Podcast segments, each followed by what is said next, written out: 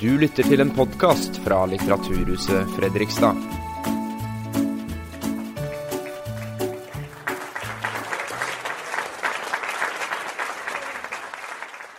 Hallo. Hei. Hei. Vi har vært i Australia med Harry. Vi har vært i Bangkok og Hongkong. Vi har gått opp og ned Oslos gater. Ehm, vi har kjent ham siden 1997, da den første boka 'Flaggermusmannen' kom. Um, nå har den tolvte boka om politietterforsker Harry Hole kommet ut, med tittelen 'Kniv'. Og som hver gang når eh, Jo Nesbø gir ut bøker, så blir det jo en sånn terningkastbonanza, masse anmeldelser. Um, gå til topps på uh, bestselgerlistene i Storbritannia og USA. Men det er likevel et sitat fra Jyllandsposten eh, som jeg tenkte jeg skulle starte med. Hvor anmelderen skriver Harry Hole har aldri hatt det verre. Jo Nesbø har aldri vært bedre. Og han triller terningkast seks på terningen. Det er ikke lett å prate om boka uten å røpe for mye, så jeg skal prøve å ikke gjøre det. Og derfor må jeg ta noen omveier. Eh, men er det sånn Har Harry Hole aldri hatt det verre? Hvordan er Harry Holes mentale helse i denne boka her? Eh, nei, det er eh, Det er en bok hvor, eh, som starter med at Harry er eh, Altså, I slutten av, eh, av forrige bok altså Dette er en serie med, med bøker. Og i slutten av uh, forrige boka så, så, var jo Harry en, uh, en lykkelig, harmonisk, uh, gift mann som bor sammen med sin livs kjærlighet Rakel oppe i Holmenkollåsen. han har slutta i politiet. Uh, slutta som drapsetterforsker, som i bunn og grunn er en jobb som han, uh, som han hater like mye som han elsker den jobben. Uh, og han jobber som foreleser på Politihøgskolen. og det er så lykkelig og perfekt at som Harry sier i forrige boka, at han har den derre følelsen av For at Harry er jo en tragisk figur. Han har jo en sånn undergangsdrift som gjør at dette, du skjønner at det, dette kan jo ikke vare. Og Harry vet også at dette ikke kan vare. Så han sier at er, han har den følelsen av å gå på en tynn, tynn is. Eh, alt er helt perfekt, perfekt. Man kan høre isen knake under seg. Og egentlig har han bare lyst til at jeg kan vi ikke få det overstått. Kan ikke bare, kan ikke bare isen briste? Og så er jeg nede der jeg, der jeg, i dypet der jeg kom fra. Mm. Eh, og eh, men det skjer ikke i, uh, i forboka. Det skjer i Kniv. Uh, når boka åpner, så har, uh, har den isen bristet under Harry. Han er kasta ut hjemme. vi får ikke vite hvorfor. han er på fylla igjen. Han har mista jobben som, som foreleser på Politihøgskolen og er aller nådigst fått uh, en jobb på politihuset av uh, sin tidligere underordnede, nå overordnede Katrine Bratt.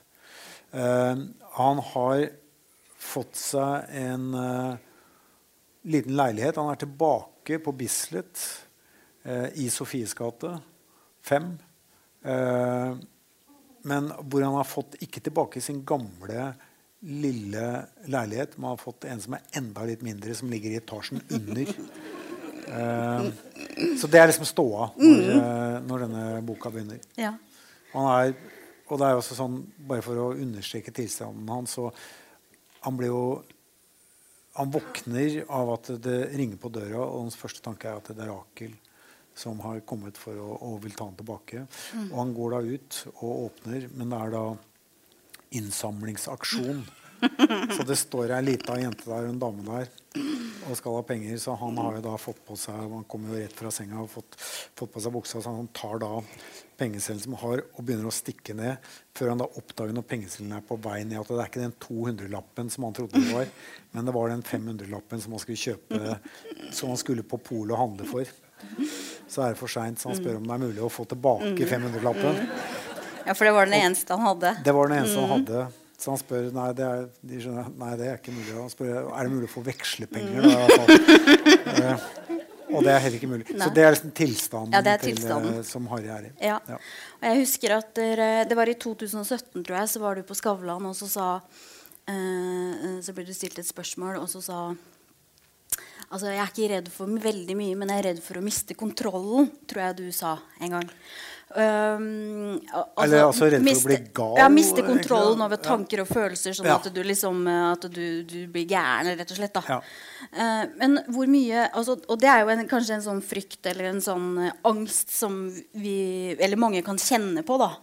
Eh, men hvor mye av den frykten tror du Harry Hole har i seg? Sånn som du sier at du, du føler at, han hele tiden at det er en sånn balanselek om å beholde kontrollen eller miste kontrollen. Hvor mye av den der frykten tror du han har i seg? Eller tenker du at han har Ja, han, altså, han har nok det, samtidig som han er ikke, han er ikke en øh, øh, Han er ikke fryktdrevet. Han er øh, mer sånn undergangsdrevet. Altså, jeg tror at tanken på å skulle dø ikke, skremmer ikke Harry spesielt. Altså, han har jo Hans alkoholisme eh, og hele måten han har levd på helt til han eh, traff Rakel, eh, er, eh, har vært drevet av en sånn søken mot eh, det smertefrie ingenting. Altså han, eh, han drikker jo for å komme bort, for å slutte å føle. Han drikker jo ikke for å, for å føle. Det er det motsatte. Altså han bruker det som, som smertestillende. Så han er Han bruker altså, han bruker alkohol som downers, ikke som uppers. Eh, så han er ikke noe Og, og han har så han, eh, han er heller ikke spesielt redd for å miste kontrollen, tror jeg. Han er ikke noe sånn derre kontrollfrik. Altså han prøver å holde livet sitt enkelt. Eh, det faktum at han da fungerer som drapsetterforsker, at han legger ned all den energien i drapsetterforskning som han gjør, kan jo synes paradoksalt, men det, det handler i hans tilfelle om at eh, han har funnet en ting som han er god til.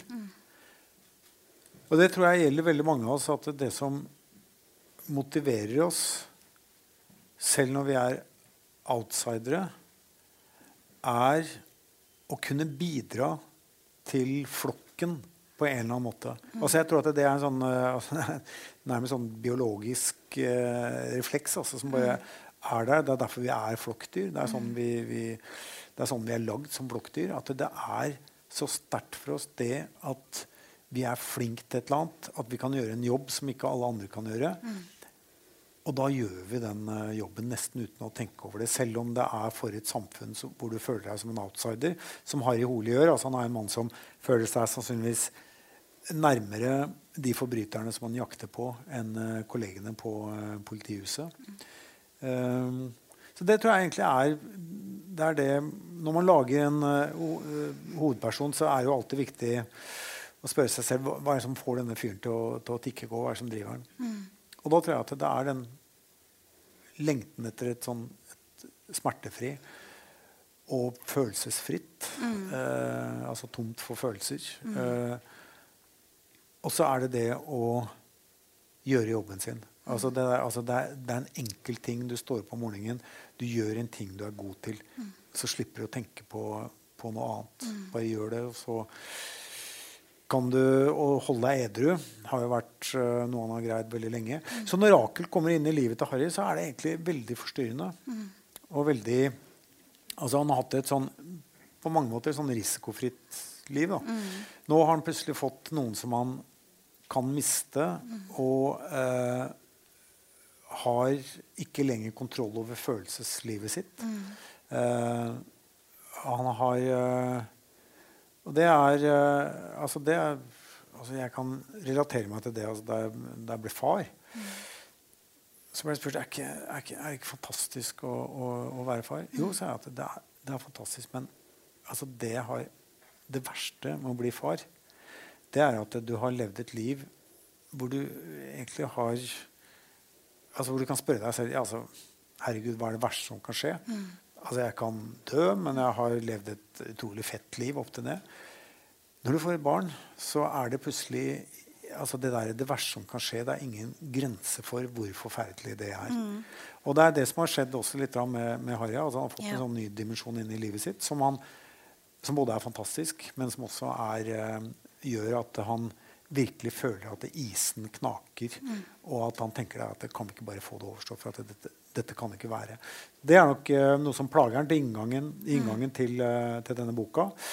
Og som vi da etter hvert, som du sier, Det er liksom en bok som er litt vanskelig å, å, snakke om uten at det blir for mye spoilers. Mm. Men som vi da skal få kanskje et sånn dypere innblikk i Harrys sjeleliv ja. enn uh, vi har hatt i noen av de tidligere bøkene. Ja.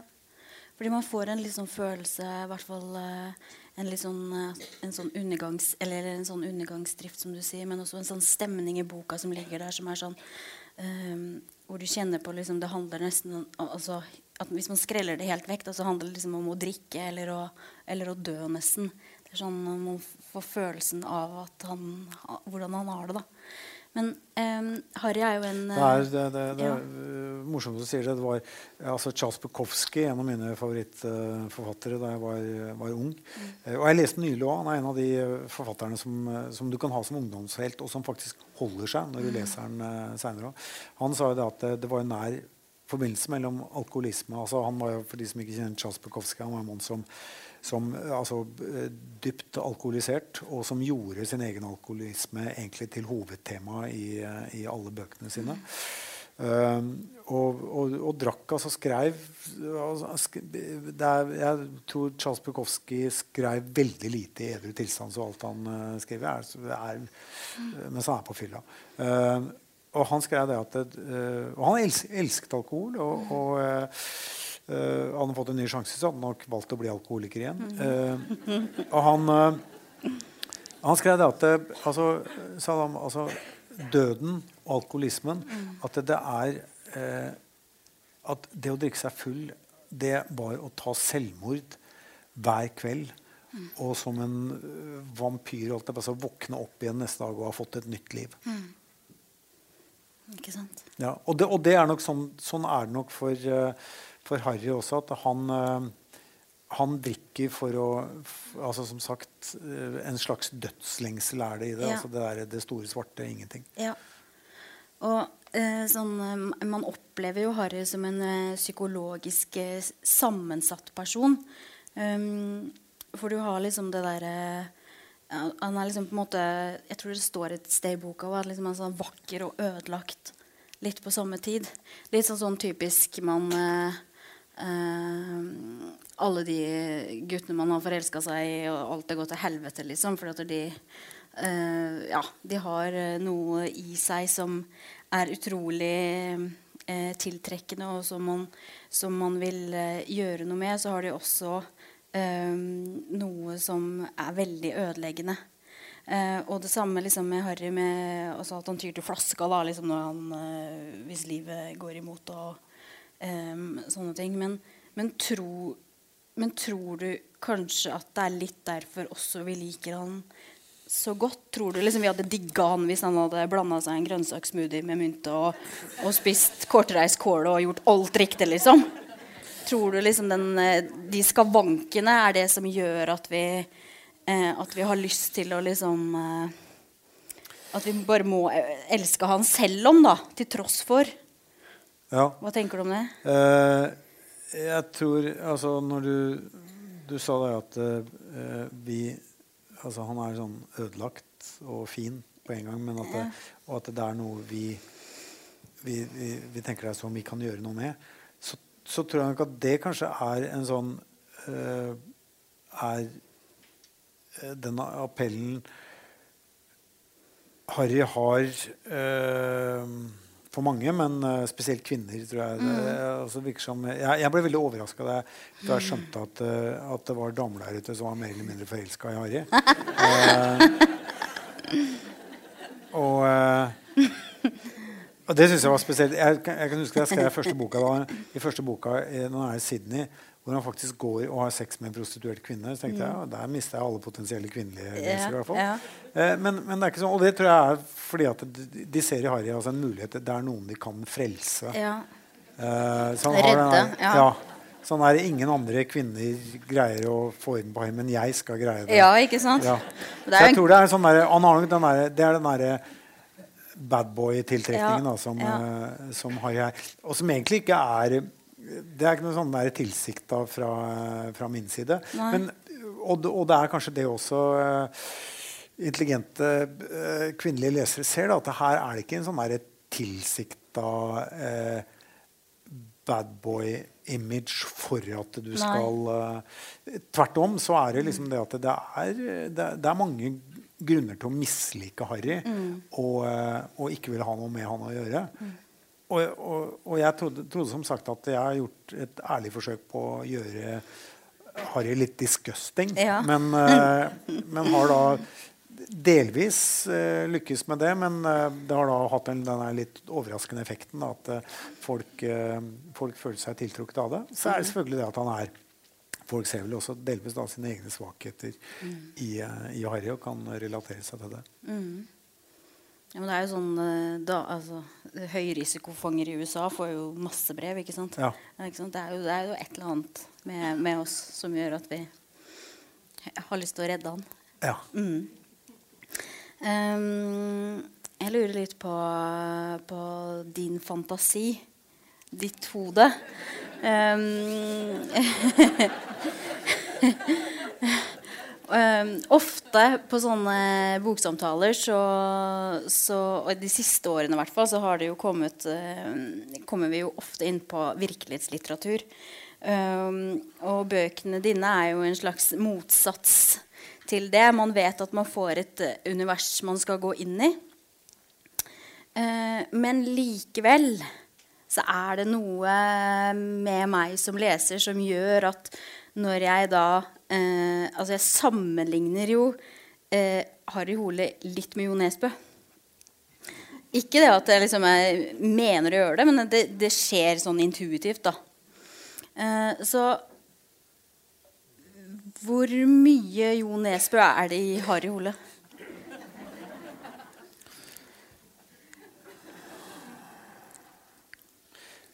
%73 eh, Er det det?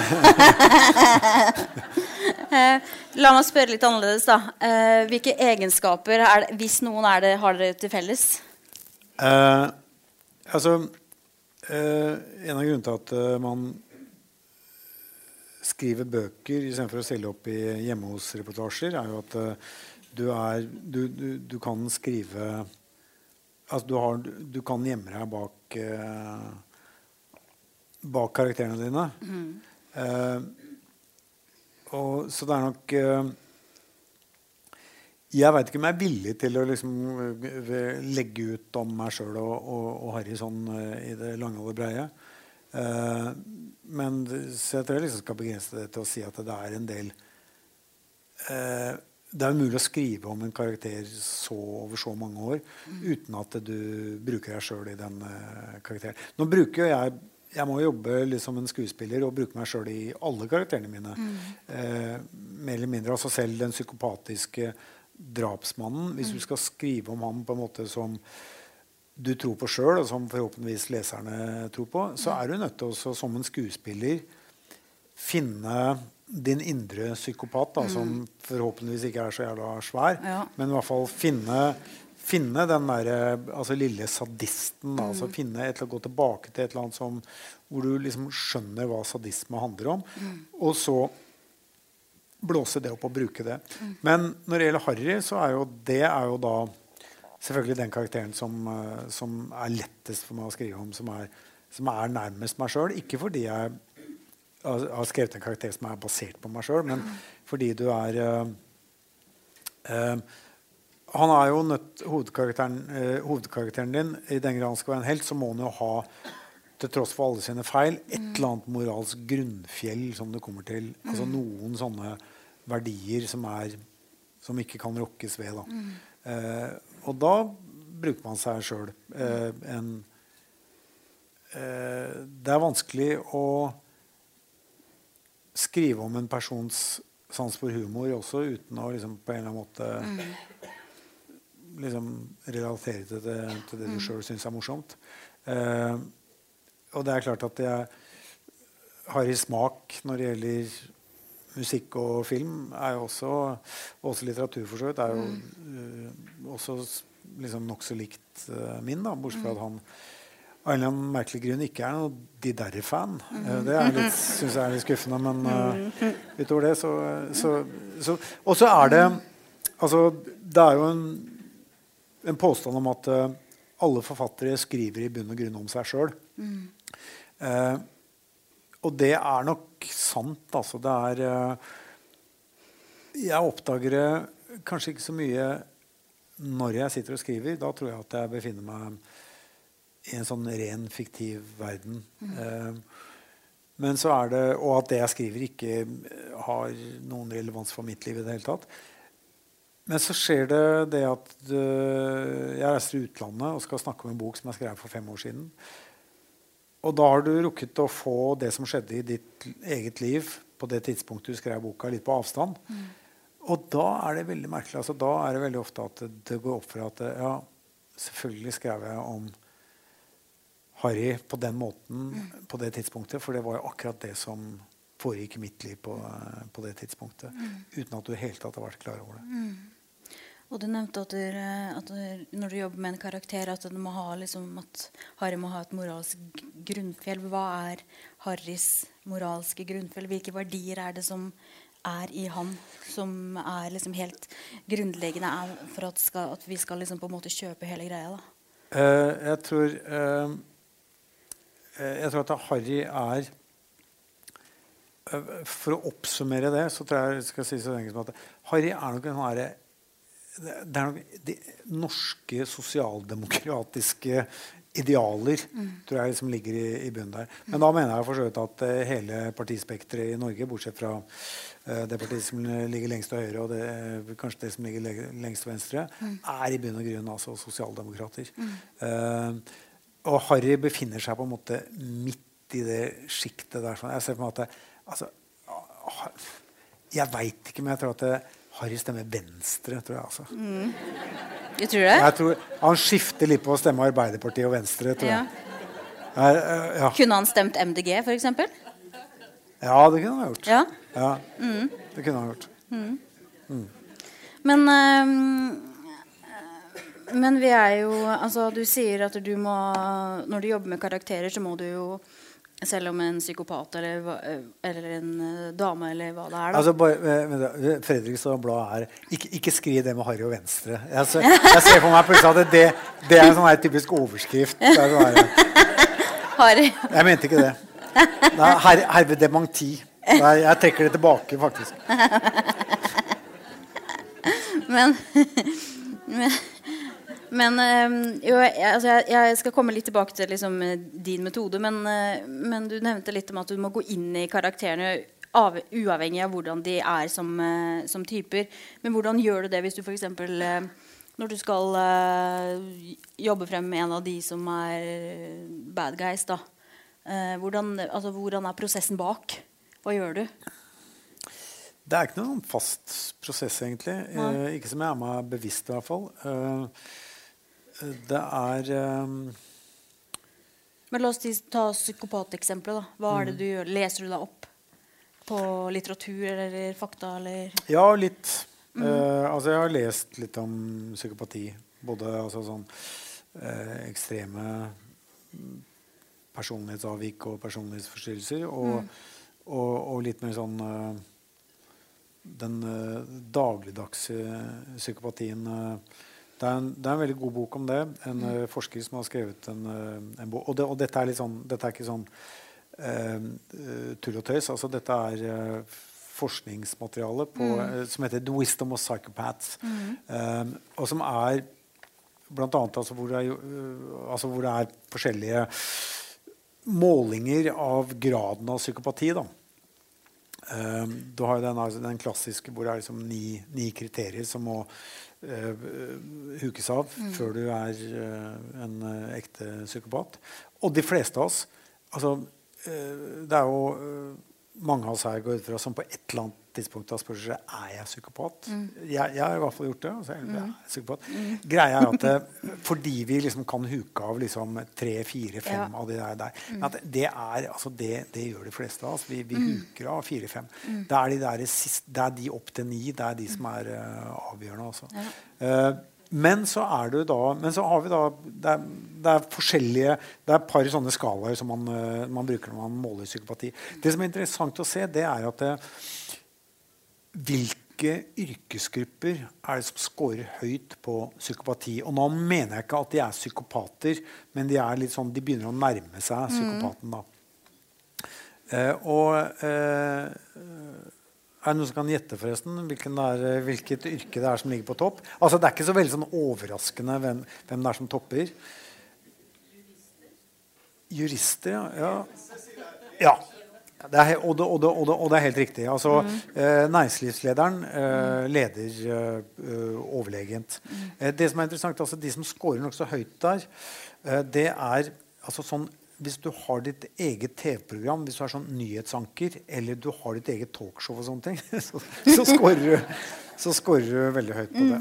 Eh, og, eh, og så er det Prester scorer ikke, ikke, så, ikke sånn, der, sånn der at eh, Hvis du ser en film altså En prest er jo som regel liksom en sånn bad guy. De scorer altså ikke veldig høyt, men de scorer altså, ålreit høyt. Mm. høyt. Men altså journalister, som man skulle tro liksom ikke scorer lavt, altså, scorer da eh, nokså høyt. Le, i leger, altså, altså i, men, men kanskje spesielt kirurger. Ja, de scorer høyt? Eh, de scorer høyt. Og det, er, og, det, og det er der han da kommer inn på the wisdom of psychopaths. Som er at noen yrker har vi faktisk bruk for at de er litt psykopater. Altså den kirurgen som er nødt til å ta en en, en uh, avgjørelse i løpet av sekunder hvor det handler om liv og død for pasienten.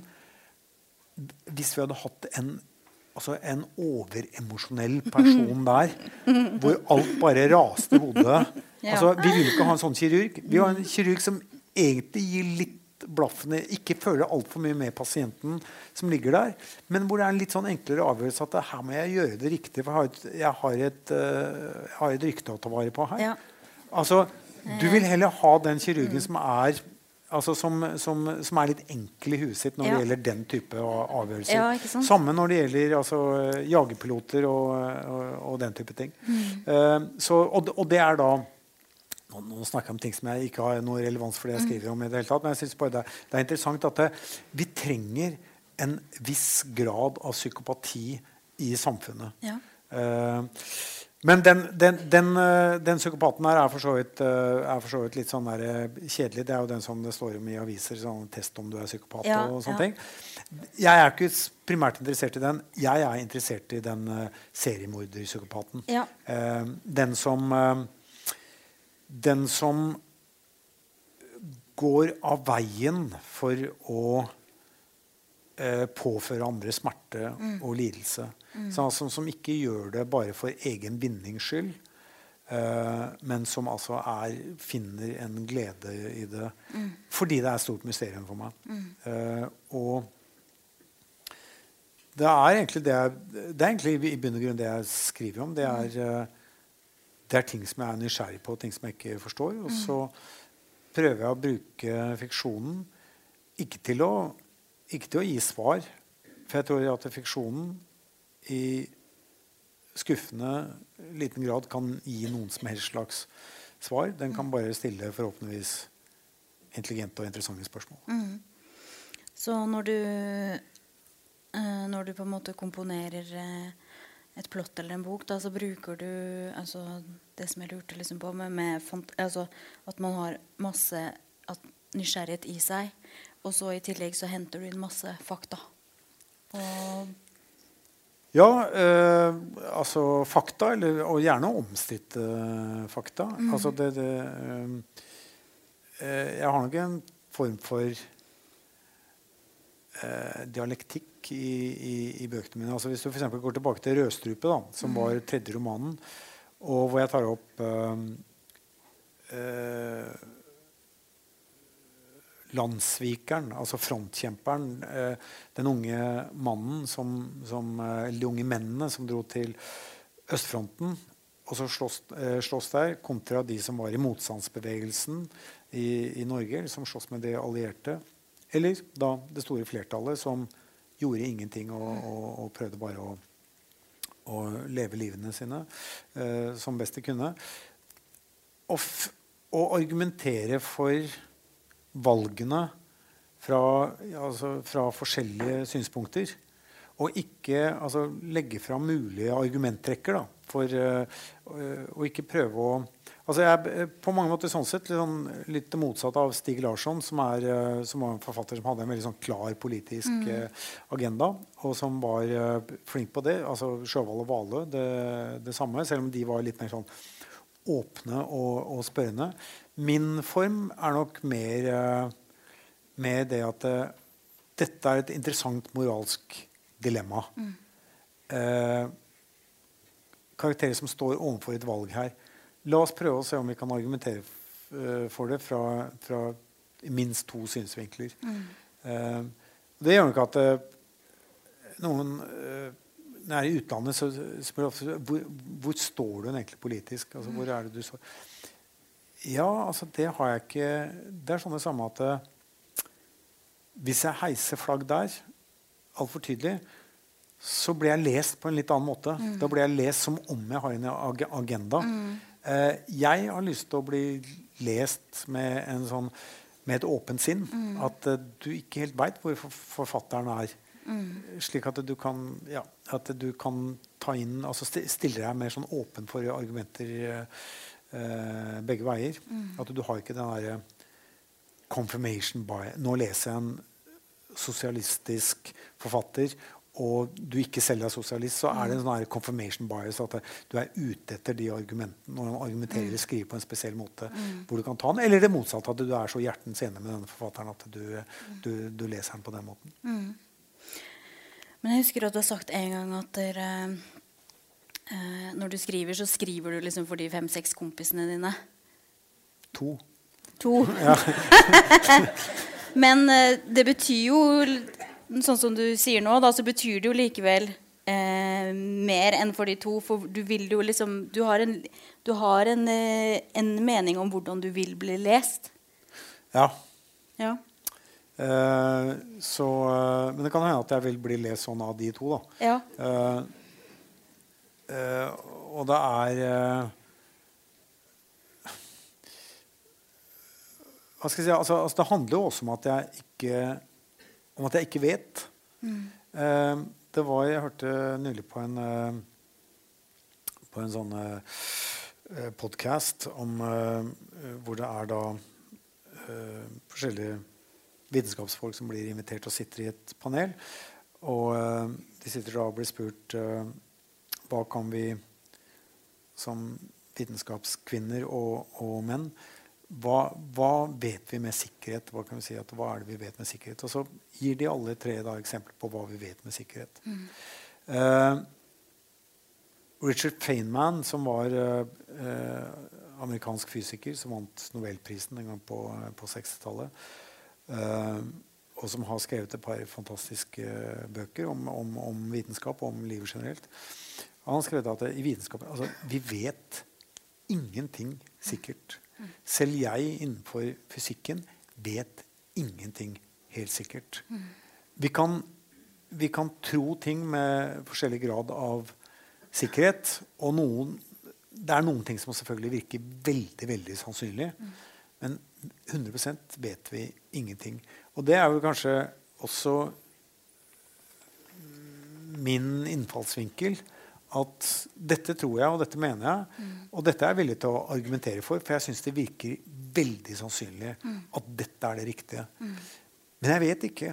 Og det er altså ingenting er hogd i stein. Og aller minst moral. Um, altså, vi tror oss f.eks. Uh, at vi er uh, våre forfedre moralsk overlegne. Altså hvis vi bare går tilbake på 60-tallet, så homoseksualitet uh, var jo uh, en forbrytelse. Altså ble, kunne bli straffa med, med, fengsel. Mm. både i England og, og, i Norge. Mm. det var lover som forsvant på, på 70-tallet mm. i, i, flere europeiske land. Mens at vi mener at ja, det, det, det, er altså, på, Av en eller annen grunn så, så tror vi da at mennesker var litt onde. De var litt sånn dårligere moralsk fordi vi hadde den holdningen. Eh, mens at den der, hva som er moralsk riktig og feil. Altså det, det, det, svinger med kulturer mm. og med tidsånder. Og har mm. alltid gjort det og kommer til å fortsette å gjøre det. Mm. Og om 100 år så kommer det til å sitte folk og tenke på at, uh, altså om oss mm. at de, hadde, de, de har misforstått totalt. Mm. Moralsk, altså De har spilt moralsk fallitt på, mm. på, på, en eller annen måte. Og det er også, det er også den derre grunnholdningen om at uh, moral er også noe som altså Der finnes det heller ikke Så når jeg sier et moralsk grunnfjell, så er det et følt moralsk grunnfjell. Mm. Det fins ikke noe moralsk grunnfjell. Nei. Nei, eh, alt, alt, er i bevegelse, og alt vil alt eh, forandre seg. Ja. Det som ikke skifter, er hvilket lag man holder med i fotballen. Og jeg trodde at jeg liksom altså, digga deg så virkelig, liksom. Men da jeg leste 'Gjenferd' og, do, og leste at dopselgerne var eh, kledd opp i Arsenal-drakt, da tenkte jeg liksom Yes, det er bra. Eh, fordi du er Tottenham-fan, og det er Harry Holo, ikke sant? Yes.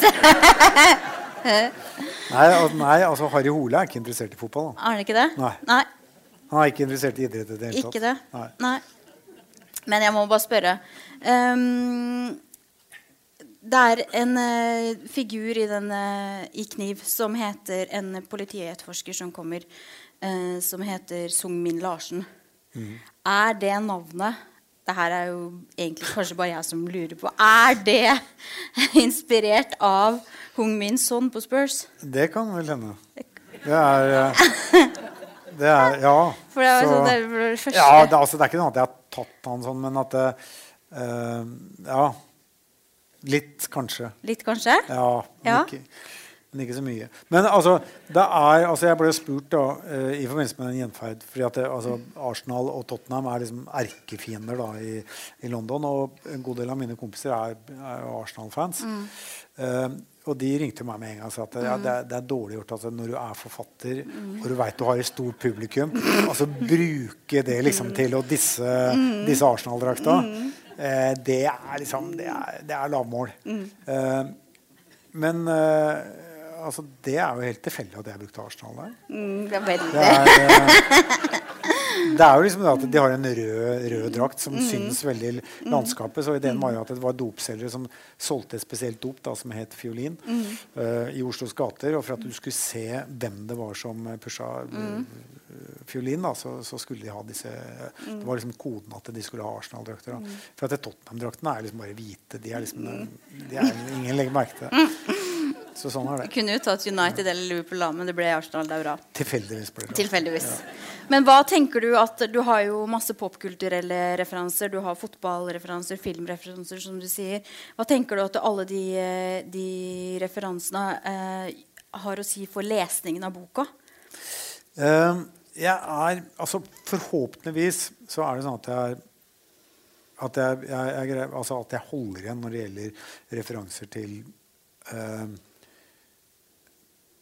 til ting jeg er interessert i sånn på egen hånd. Mm. Selv om den samtalen vi har hatt nå, kan tyde på det motsatt. At jeg har litt dårlig, at jeg har litt dårlig kontroll der. Men uh, det er uh, Altså, uh, det er Altså, det fins amerikanske forfattere som er Og da tenker jeg spesielt på én som hvor alle karakterene er veldig opptatt av hva slags bil de kjører, og hvordan de har styla bilen, hva slags dekk de har på bilen, og hvilken radiokanal de hører på uh, i denne byen som de bor i. Altså, det, er ikke bare, det er ikke bare hovedpersonene, men det er liksom samtlige karakterer. Uh, og uh, hvor jeg da syns at det blir, blir, litt overdrevet. Samtidig som jeg ser at jeg, er, jeg gjør det samme sjøl. Altså, det som er så effektivt ved å bruke den type referanser, er at spesielt når det gjelder musikk, så er det det forteller mye om en person. Mm. Uh, hva slags musikk vedkommende hører på. Uh, altså er, av og til så kan du bare beskrive en person som kommer inn i et rom som har en hva skal vi si, en, en, en Metallica-T-skjorte på seg, så er det et eller annet, så er det så mange ting som følger med det. Bare å ha en Metallica-T-skjorte på seg. Mm. Eh, det forteller i hvert fall slags, hvordan personen vil bli oppfatta. At han gjerne vil bli oppfatta som en Metallica-fyr eller mm. Metallica-jente. Eh, så det er eh, Ja, du kan, du, du, du kan, beskrive veldig mye på, på, på veldig liten plass. Mm. Og så er det jo det uh, Jeg vet ikke om du har lest American Psycho, men der er det, det er en av mine favorittpassasjer der. Det er hvor, uh, hvor da hovedpersonen, psykopaten, ganske tidlig i boka Og du skjønner ikke egentlig hvor psykopat han er riktig enda. Helt til han da tar og skriver at han, uh, han hører en del på, på Genesis. Uh, men han mener da at uh, det bandet er jo blitt mye bedre nå etter at han der Peter Gabriel slutta å synge der, og Phil Collins endelig fikk mikrofonen. Da skjønner du at dette er en ordentlig psykopat.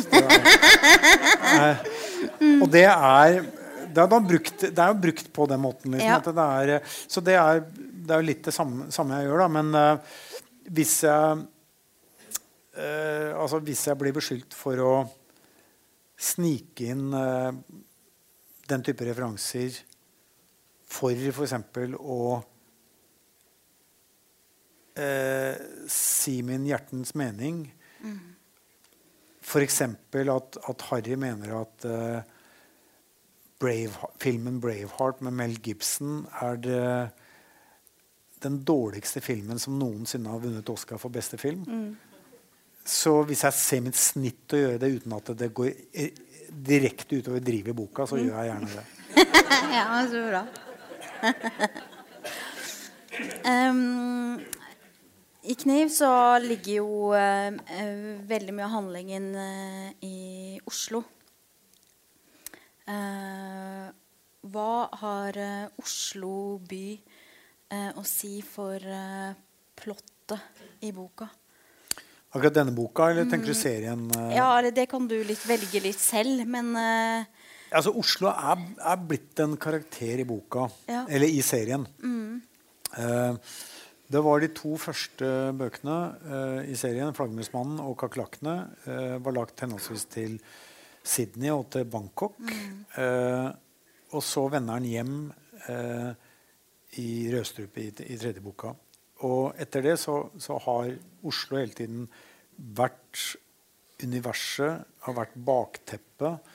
Uh, og er blitt på en måte en, en uh, egen karakter i, mm. i boka. Og det, jeg, spesielt når jeg reiser i utlandet, så blir jeg ofte spurt om at er Oslo virkelig så ille som det du beskriver i de mm. bøkene. her sånn, og hva Turistsjefen i Oslo hva sier han om at du beskriver denne byen? For vi mm. oppfatter jo Norge og Oslo som et veldig fredelig og, og, og, og trygt sted. Og da er jo det at da svarer jeg at det er, det er Dette er sider ved Oslo. altså Dette er på en måte eh, Oslo after dark på en måte. Samtidig som det er det er delvis det, det virkelige Oslo. altså Spesielt i Gjenferd så er det altså det dopmiljøet som jeg beskriver der. Det er jo en, en eh, del av den grimme virkeligheten mm. i, i, Oslo. Men samtidig så er det jo selvfølgelig også tatt lenger på, på, en del områder. Så det er en slags sånn der Gotham City-versjon av, eh, av, Oslo. Mm. Det, er Så det er delvis, vil jeg si, altså Si at det er 80 det Oslo som jeg kjenner og, og bor i. Eh, og så er det 20% som da er, er fiksjon. Mm. Men Bruker du mye tid liksom, hvis du skal for skrive om Smestad eller eh, Holmenkollen? eller Ekeberg, Bruker du mye tid på områdene? Ja, ja. jeg gjør egentlig det. Altså. Da tar jeg gjerne og sykler opp dit og, ja. og, og tar en kikk. For det er veldig merkelig når du bor i en by. Altså, sånn er sikkert, altså her i Fredrikstad også at du, Hvis du skal beskrive et bygg, så, eh, så er det sånn at du, du plutselig oppdager at ja, men jeg har jo aldri løfta blikket. Jeg har aldri stått på gata og sett oppover hele fasaden. Jeg har fått et sånt, har sånt generelt inntrykk av det. Mm. Men, så jeg har måttet sykle til steder og se ordentlig på eh, altså jeg, skulle, jeg, gikk rundt i flere timer på, på eh, på Carl, Berner på, i krysset der sånn. Og så så man rundt på Carl og så på bygningene. Og det er jo liksom et av de tristeste stedene i Oslo. Hvis du ikke tar deg tid og stopper opp og begynner å se deg rundt og se hvor mye det er å ta, å ta inn bare, på, bare i det krysset. Eh, uh, så det har jeg brukt mye tid på. Ja, så det er liksom, du bruker sykkel da, når du fikker Ja. rundt? Ja. ja. Men har du, ofte, hvis du, har du en agenda når du sykler ut? For at du, nå skal jeg til Carl Berner-krysset, eller nå skal jeg på Ekeberg. Ja. Eller nå skal jeg Ja, du Ja, har jeg det. vet akkurat hva jeg skal. Du vet akkurat hva du skal se etter? Ja. Har du et eksempel, for eksempel, i en scene i boka, eller Eh, det er øh, s, eh, vannet oppe ved, opp ved Smestadkrysset. Mm. Um, der sykla jeg opp og, og satt og fant ut eh, det piletreet som jeg beskriver som er der. Eh, leste meg opp litt på Smestadvannet. Det er ikke, Smestadvannet er ikke, det er ikke sånn der stor, stor ting, men altså det, eh, da finner du ut en masse interessante ting. Altså for det første hvorfor vannet er der. Eh, i utgangspunktet, liksom? ja, altså det er, og det er jo da For at det er jo bare liksom en, en halv meter eller meter dypt eh, det vannet hele veien. Mm. vi ser at det er jo en kunstig dam som ble, som ble lagd på 1800-tallet.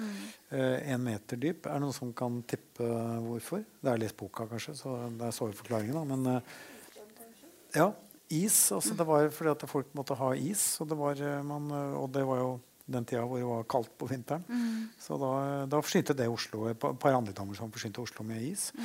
Eh, og så bare leser jeg i avisen at det var et sånt svane, sånn svanepar som, uh, som bor der, med en rasende svane som, er, uh, som har liksom herja i, i dammen der i, i flere år. Ja. Og den er da blitt en karakter i, i Kniv. Ja. Ja.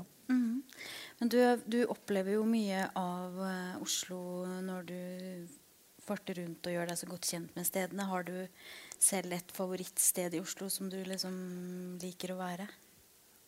Eller som du ofte kommer tilbake til av noen grunner? Ja, altså, og det, det, er, det er flere steder. Altså, jeg vokste opp i uh, Jeg, jeg får alltid litt sånn eh, klump i halsen når jeg sykler opp til, uh, til Disengrenda.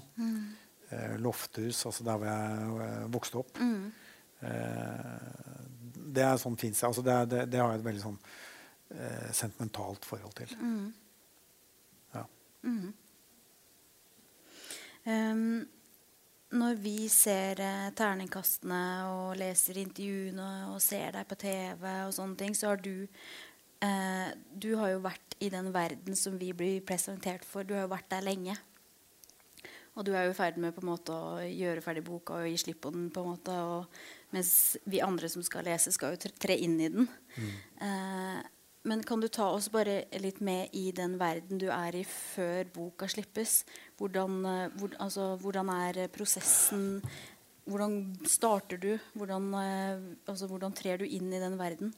Den der, eh, du tenker eh, Skriveprosessen, på en måte. Der, Og prosessen med å skrive, ja. ja, altså liksom nå skal jeg liksom Nå er den tolvte boka. boka. Ja, mm. Ja, eh, for det første så, så er det aldri likt. Altså, jeg har ikke noen sånn derre Jeg har ikke noen måte å skrive en bok på. Altså, for så vidt altså Dagene mine, hvordan jeg legger opp jobben, er for så vidt nokså likt. Men hvordan jeg unnfanger ideen, og hvordan det hele starter, der har jeg ikke noen metode. Altså, det er øh, det er ikke noe systematikk i måten ideene kommer på, på heller. Det er bare sånn Jeg må bare fortsette å håpe at de, de kommer. Eh, det er altså, Snømann. Snømann for eksempel, starta Ja. med starta med tittelen. Som regel alle de andre bøkene har, har det vært sånn at tittelen er det siste som skjer. at jeg kom på en titel på boka. Men 'Snømann' var eh, Da var det Hvis du husker filmen 'Fritt vilt', Ja. Eh, da var det produsenten og regissøren der eh, som jeg kjenner da, de, de ringte meg og sa at vi holder på med en eh, skal lage en film her, men vi, og vi sitter her sånn brainstorming på tittel. Har du en god tittel? Og det forteller da at det er noen uh, unge mennesker som uh, har en, en som brekker bein når de står på ski, og så bryter de seg inn på, på dette forlatte uh, skistedet, hotellet, da. Og så begynner, de å dø. Eh, en etter en og blir drept. Eh, klassisk grøsseroppskrift. Og så sier jeg ja, kall eh, hva man kaller den snømann. da. Mm. Ja, sier ja, ja, ok, greit, men det er ikke noe, det er ikke noe snømann i, i filmen. Da. Jeg sier at jeg, jeg syns at det er såpass fet tittel at da skal dere vurdere å få med en snømann i den. eh. men, eh, men de sa at eh, Nei, de eh, Jeg skulle tenke på det. Og så ble jeg gående og tenke på tittelen 'Snømann'. Og fikk, og helt automatisk så, så begynte jeg å få liksom, ideen til en, eh, til en historie basert på tittelen. Så jeg ringte tilbake til tre uker og spurte liksom, er dere, er fortsatt sikre på at dere ikke skal bruke 'Snømann' som tittel. Ja. Så, så, Da tok du så da sa jeg fint. Da, da, har jeg, da tar jeg en sjøl. Mm, så det er, det, er, det er litt overraskende, egentlig, at det er, men altså, at, at det er litt tilfeldig hvordan du jobber. da.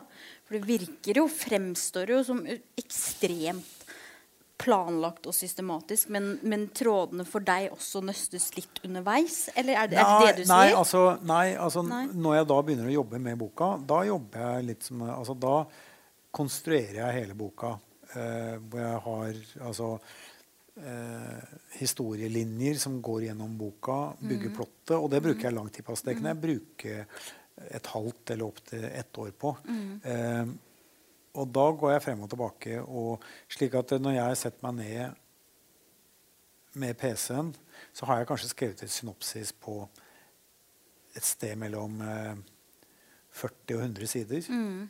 Eh, hvor jeg da også har puttet inn litt dialog. fordi at jeg, det jeg oppdaga nokså tidlig, det er at det, jeg kan Det jeg kan ha planlagt, men som ikke blir helt sånn som jeg når du begynner å skrive som du ikke, ikke blir som planlagt likevel, det er karakterene.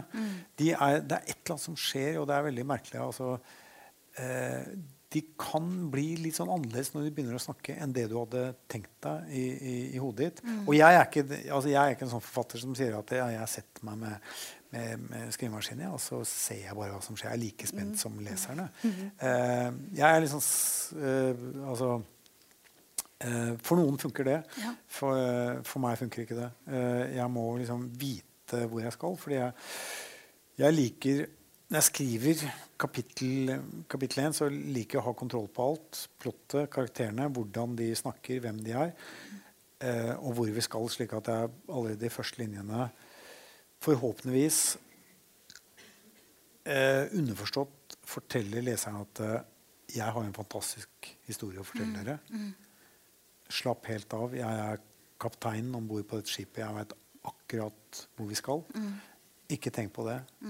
Eh, nå begynner vi. Stol på meg. Eh, jeg liker å ha den følelsen. At det er den spenningen med hva som skal skje, eh, den har du som eh, leser betalt 400 kroner for å få lov til å ha det privilegiet, og så får forfatteren vite hvor vi skal.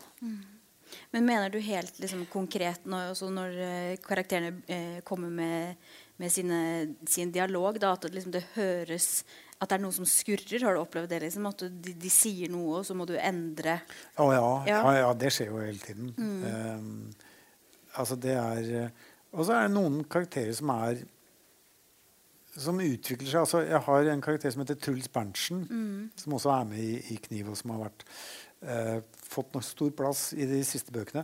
Han var en karakter som første gang han var med, så trodde jeg han bare var en, sånn, en karakter som skulle være der. Men at han er så jeg sa at jeg prøver å være harry disgusting. Altså, Truls Berntsen er jo den mest disgusting eh, eh, enkeltindividet i, i hele serien. Og han er altså så deilig og morsom å skrive om, og du kan ta dine egne dårligste sider og bare legge det over på, på Truls Truls, Berntsen. Mm. Og det er veldig deilig. Ja. Og han kan, han kan si og tenke og mene ting som du selv tenker og mener i to sekunder på en dårlig dag. Eh, og da er det veldig deilig å ha en sånn Ja, person. veldig deilig. Ja. Men hvordan er det du eh, Når du eh, velger navn på karakterene, hvordan, eh, hvordan tenker du da?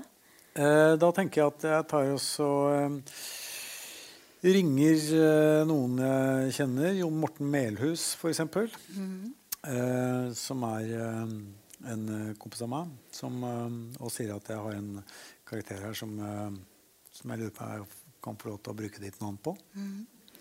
Og da får jeg som regel eh, De spør jo da litt sånn bekymra er, det- er, han pedofil.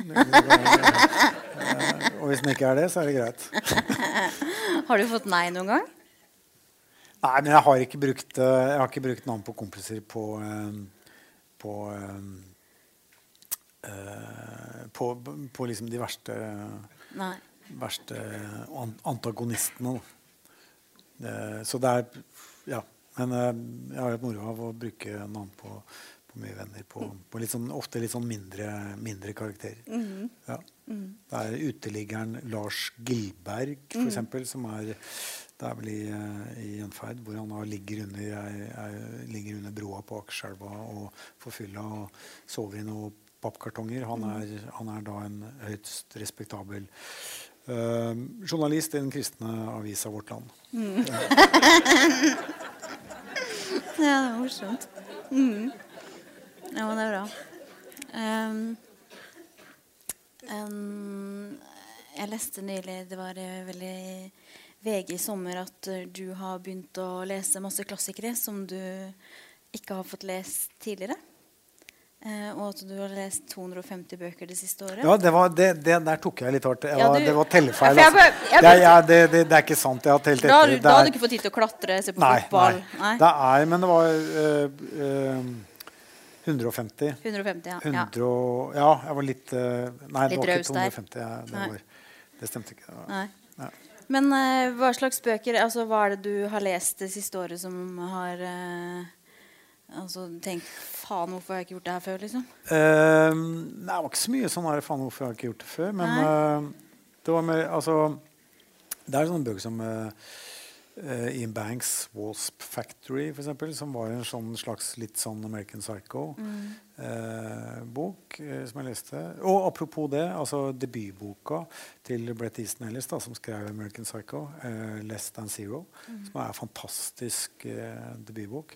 Så det er mye sånn derre Mye av de derre kult altså eh, Kall det kultklassikerne da, fra, fra 90-tallet og sånne ting. Er, jeg, jeg liker å lese bøker som har fått noen år på seg. Hvis de fremdeles er liksom på leselista til eh, folk etter ti år, så har de noe et eller annet eh, som gjør at jeg leser dem. Jeg gjør akkur og det er samme musikk. Jeg hører ikke på ny musikk. Jeg tar altså venter til, eh, til rundt nyttår. Da kommer alle altså musikkritikerne kommer med sine årets beste album. Og det er begrensa til liksom fem-ti album. Og så leser jeg gjennom det, så jeg får et inntrykk av ok, hva var det beste året som gikk. Og så la, laster jeg det ned. Og da har jeg som regel aldri hørt, hørt, hørt på det før. Nei? Så det er min metode. det er La andre folk da finne ut hva som er bra, og så kommer jeg diltende etter. Ja, ja, ja. Men er det, noen er det noen forfattere spesielt eller bøker eh, som har inspirert deg i, i din egen skriving? Ja. Som Ja, alt jeg har lest, altså på en eller annen måte alt som er dårlig og alt som er bra, har på en eller annen måte påvirka skrivinga mi. Eh, men det er veldig vanskelig for meg å sånn derre sette fingeren på akkurat eh, hva. Rent bortsett fra at jeg selvfølgelig, som de aller fleste forfattere, har prøvd å skrive som Knut Hamsun, har prøvd å skrive som Ernst Hemingway, har prøvd å skrive som Charles Bukowski. Og så på et eller annet tidspunkt så finner du selvfølgelig ut at det fins allerede en, en eh, Ernst Hemingway og Charles Bukowski, så kanskje hva med å prøve å skrive som Jo Nesbø? Uh, og så på et eller annet tidspunkt så så begynner du da å gjøre det. Og jeg gjorde vel kanskje det Altså jeg debuterte da jeg var 37 år, men da hadde jeg Så jeg brukte vel kanskje ungdomstida mi eh, og skrev altså brev, noveller, eh, poptekster. Og skrev meg, skrev meg gjennom eh, i hvert fall det meste av det. Samtidig som det er alltid stilistisk sett alltid folk jeg altså, altså det, er, det, er, det er en forskjell på å lære ting og etterligne. Da. Uh, og jeg prøver å, prøver å lære uten å etterligne, men av og til så, så, så etterligner du jo. Eh, men jeg har ikke noe sånn stilistisk jeg vet, altså Det er veldig mange forfattere som jeg har veldig respekt for, og som jeg beundrer. Men uh, som jeg ikke ja, som, jeg ikke, altså, som jeg heller prøver å unngå å etterligne. Mm. Det er også en av grunnene til at jeg, jeg prøver å lese akkurat når jeg er på det mest intense med min egen skriving. Mm. Så prøver jeg å enten lese Når jeg leser ved siden av, så prøver jeg å lese sånn fort gjennom det og lese forskjellige forfattere. Mm.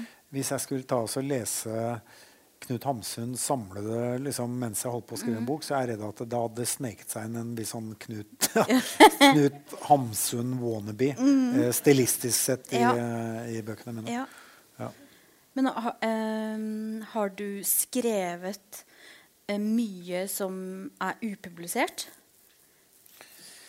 ja, jeg har skrevet i hvert fall to romaner som jeg har som jeg har trykka delete-knappen på. Mm. Hele, hele, bøker? Ja. Mm.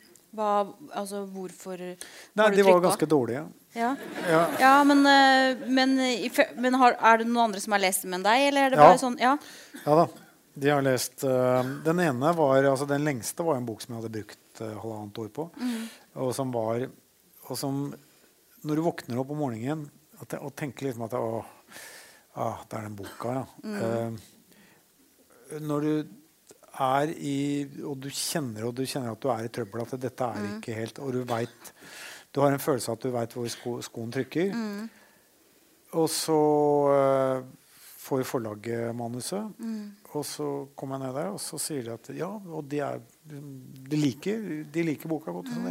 Men er, altså, den har et, et, et, lite problem. Og det er akkurat, liksom, akkurat der liksom, er det mm. liksom, Og da veit jeg at ja, Fint, dere har, dere har, funnet akkurat der skoen trykker. Mm. Eh, og dette kan ikke fikses. Eh, så jeg, fint, takk. Og så gikk jeg hjem og så trykka jeg delete, delete på hele romanen. Mm.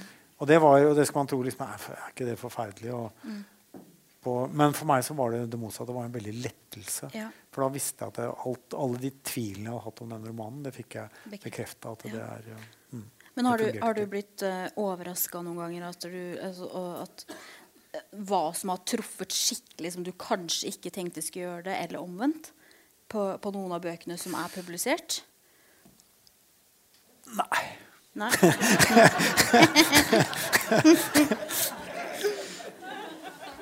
For du har hatt jeg ble, jeg, jeg ble litt overraska da 'Jenter' ble en hit. Da ble jeg overraska. Ja. ja, for det, det, hadde du ikke tenkt? Nei, den så jeg ikke komme. Det var, det var, en klassisk sånn uh, Vi var i dette er da en poplåt som var på uh, som var på andre albumet til uh, de der. Og, og produsenten eh, på slutten av den plateinnspillinga spurte Fordi vi hadde gitt ut en plate som hadde solgt til 5000 X, som vi syntes var kjempemye, og som hadde altså masse fine låter. Mm.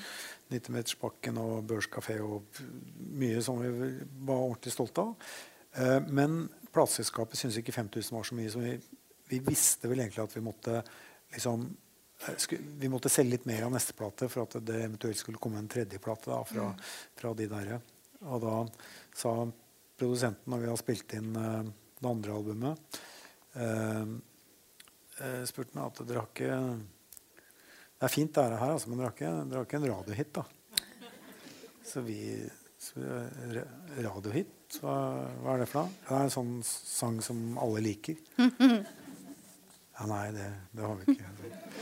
Og da så spurte bassisten meg jo, den, der, den låta du hadde med på øvinga, kanskje det er en sånn hit? Nei, sa jeg. jeg tror ikke Den skal ikke med på plata. Det er bare sånn køddelåt jeg lagde fordi jeg hadde kjøpt meg et keyboard, så jeg måtte lage noe på keyboard. Så jeg lagde et eller annet på keyboard som jeg liksom spilte for de andre gutta. Så, så ja, ja, det var fengende en liten sak. og sånt. Men så sa produsenten ja, men gå inn i kontrollrommet eller gå inn i studio da, og så spill den for oss mens vi sitter i kontrollrommet her. Vi har, vi har ikke så mye å tape her. Så, så, da, så da, var det jenter. Da spilte jeg jente, og så sa jeg at han uh, produsenten bare lente seg frem og sa ja, det er det jeg mener med en radiohit. Mm. Sånn. Ikke sånn? Men på, når du sier at du ikke blir overraska over eh, mottagelsen på bøkene, betyr det at når du leverer fra deg, så har du liksom den godfølelsen på at dette er bra? Ja, altså både en sånn eh, Ja, jeg tror altså det stemmer mottakelsen stemmer nokså godt med min egen oppfatning av, eh, av bøkene. Mm. Husk på 'Rødstrupe', som da var tredje boka i serien, og hvor jeg gikk fra de to første bøkene, som var veldig sånn skildra gjennom Alt var kronologisk. Det var færre karakterer. Det var, eh, Til tross for at Harry Hole er da en skrevet i tredjeperson, så er det alt er liksom mer eller mindre skildra gjennom hans øyne. Så det er, liksom, det er litt mer en sånn person som sitter på en gitar og, og spiller og forteller historien sin. Det er liksom en enkameraproduksjon. Så gikk jeg da til Rødstrupe, som var helt annerledes. Forskjellige tidslinjer. Stort eh, persongalleri. Eh, et veldig sånn altså, historisk eh, Stort episk bakteppe med annen verdenskrig. Um, og det var liksom som å gå fra å sitte på en krakk og spille gitar til å dirigere symfoniorkester. Uh, og da skrev husker jeg Aftenposten Det var en bok som på mange måter var gjennombruddet for meg som, mm. som forfatter.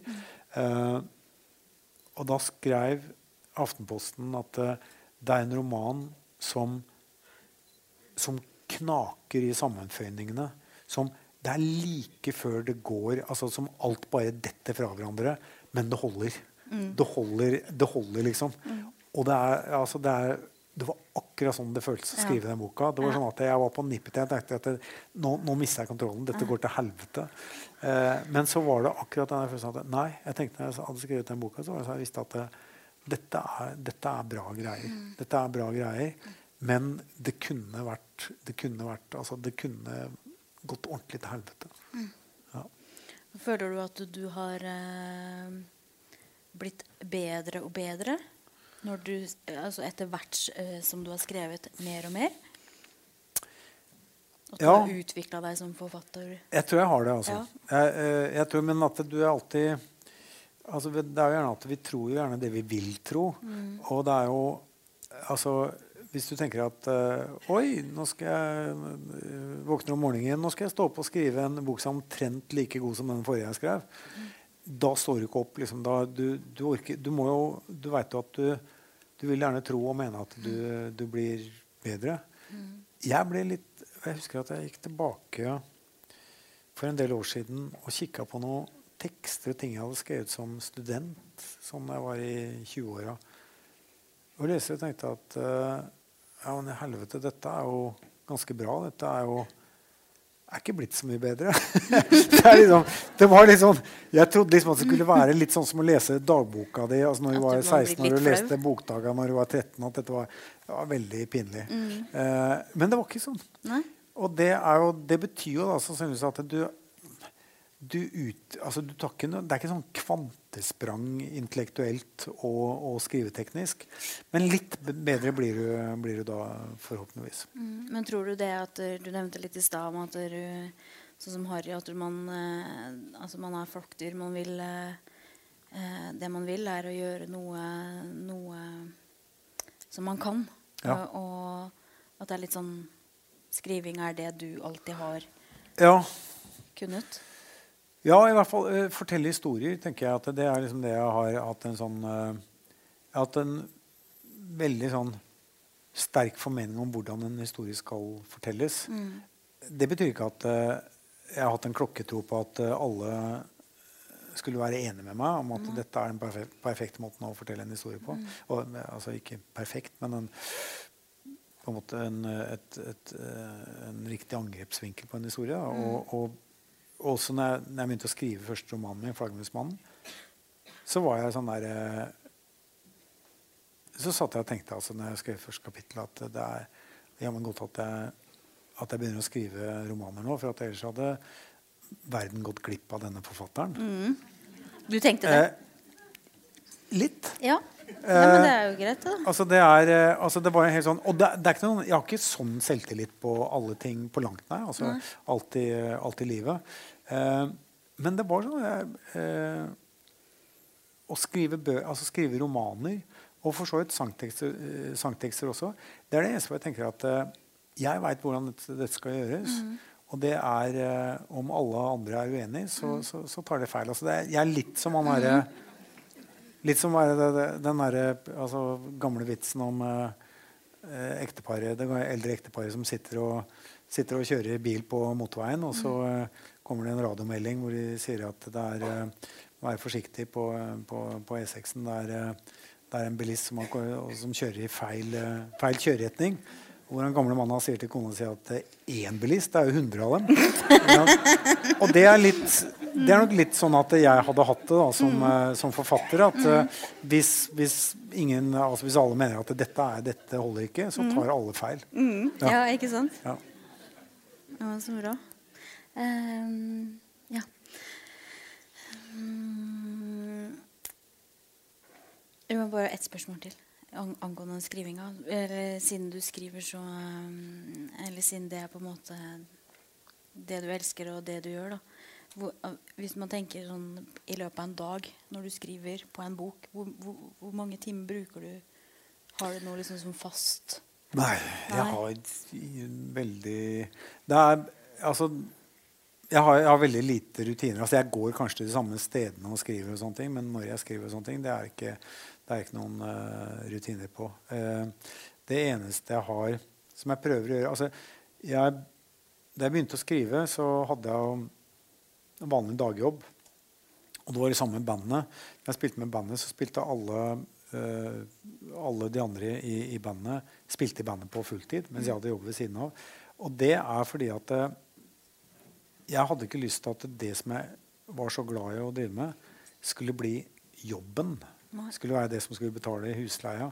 Jeg hadde lyst til å holde det lett og uforpliktende. Altså det, det, det, skulle være en lek. Og så lenge jeg ikke gjorde det til jobben min, så visste jeg at det, da behøvde jeg ikke å kompromisse på noen som helst slags måte. Og det, er, altså det har vært, selv om, altså, selv om det der er et, altså et, band som spiller blodpop, så er det altså et band som aldri har kompromissa. Mm. Eh, og det er eh, og det er samme som forfatter, som forfatter også. Jeg har aldri vært nødt til å ta hensyn til uh, uh, hva folk syns om bøkene mine.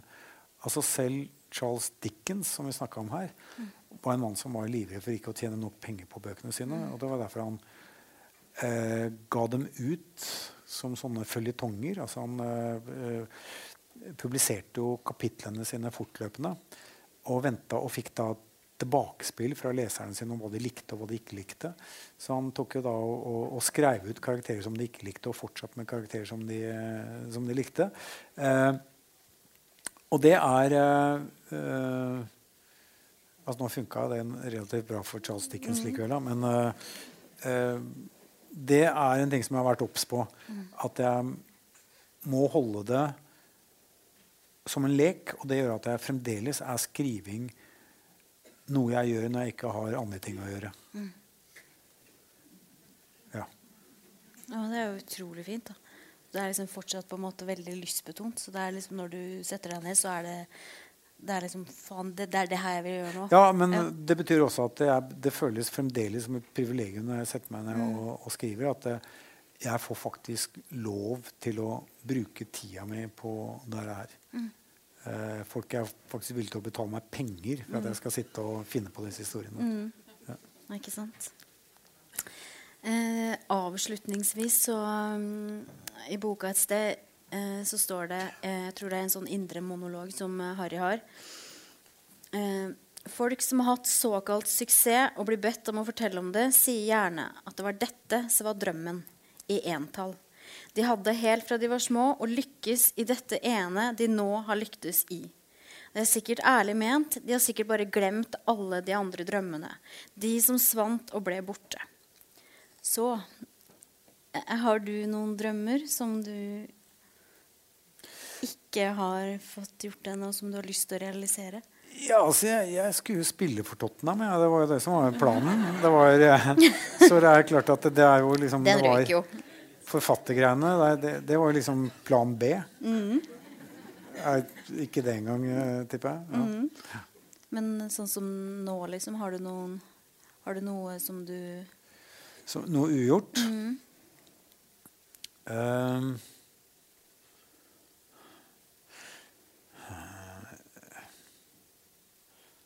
Ja, øh, altså Ja, altså det, det, altså det, er mange sånne ting som jeg liksom kunne tenke meg. Altså, jeg, jeg, jeg skulle vært trommeslager. Jeg kunne tenkt meg å spille tromme i et uh, i Metallica. da. De har jo ikke verdens beste trommeslager, faktisk. uh, jeg kunne tenkt meg også regissert en uh, jævlig fet film. Mm. og jeg fikk Jeg har regissert en kortfilm. og det viser seg at jeg er totalt uegna som filmregissør. Det er altfor hardt arbeid. Jeg er altfor lat. Men ja, så det er, det er, flere sånne ting jeg kunne Jeg kunne tenkt meg å klatre en rute av grad 8A. Mm. Det kan jo tyde på at jeg har begynt å klatre litt for seint i livet til, å, mm. til noen gang å greie det. Mm. Um, Hvor er du nå på den skalaen, da? Jeg, jeg har klatra grad 7C, men det vil si at der, der, er det når du kommer opp der som det er langt altså Det er hardt, det er mye arbeid mellom gradene. Ja. Ja. Mm. Riktig. Tror du Harry har noen uh, urealiserte drømmer, da? Uh, nei. Er, har jeg ikke, har jeg ikke noen drømmer. Nei, altså, Harrys drøm, det er uh, Det er mer Altså, han er en en mann som i, i, i kniv, som er uh, Som Altså Vi kommer igjen til det, tilbake til det samme. Altså, han, han, drømmer om det store mørke ingenting. Mm. Men så etter at han traff Rakel, så har han jo kommet noe inn i livet hans mm. Som gjør at han kjenner på smerten på en annen måte. Han tåler smerten mm. på en annen måte så lenge han har hennes kjærlighet. Eh, det er men så forsvinner hun.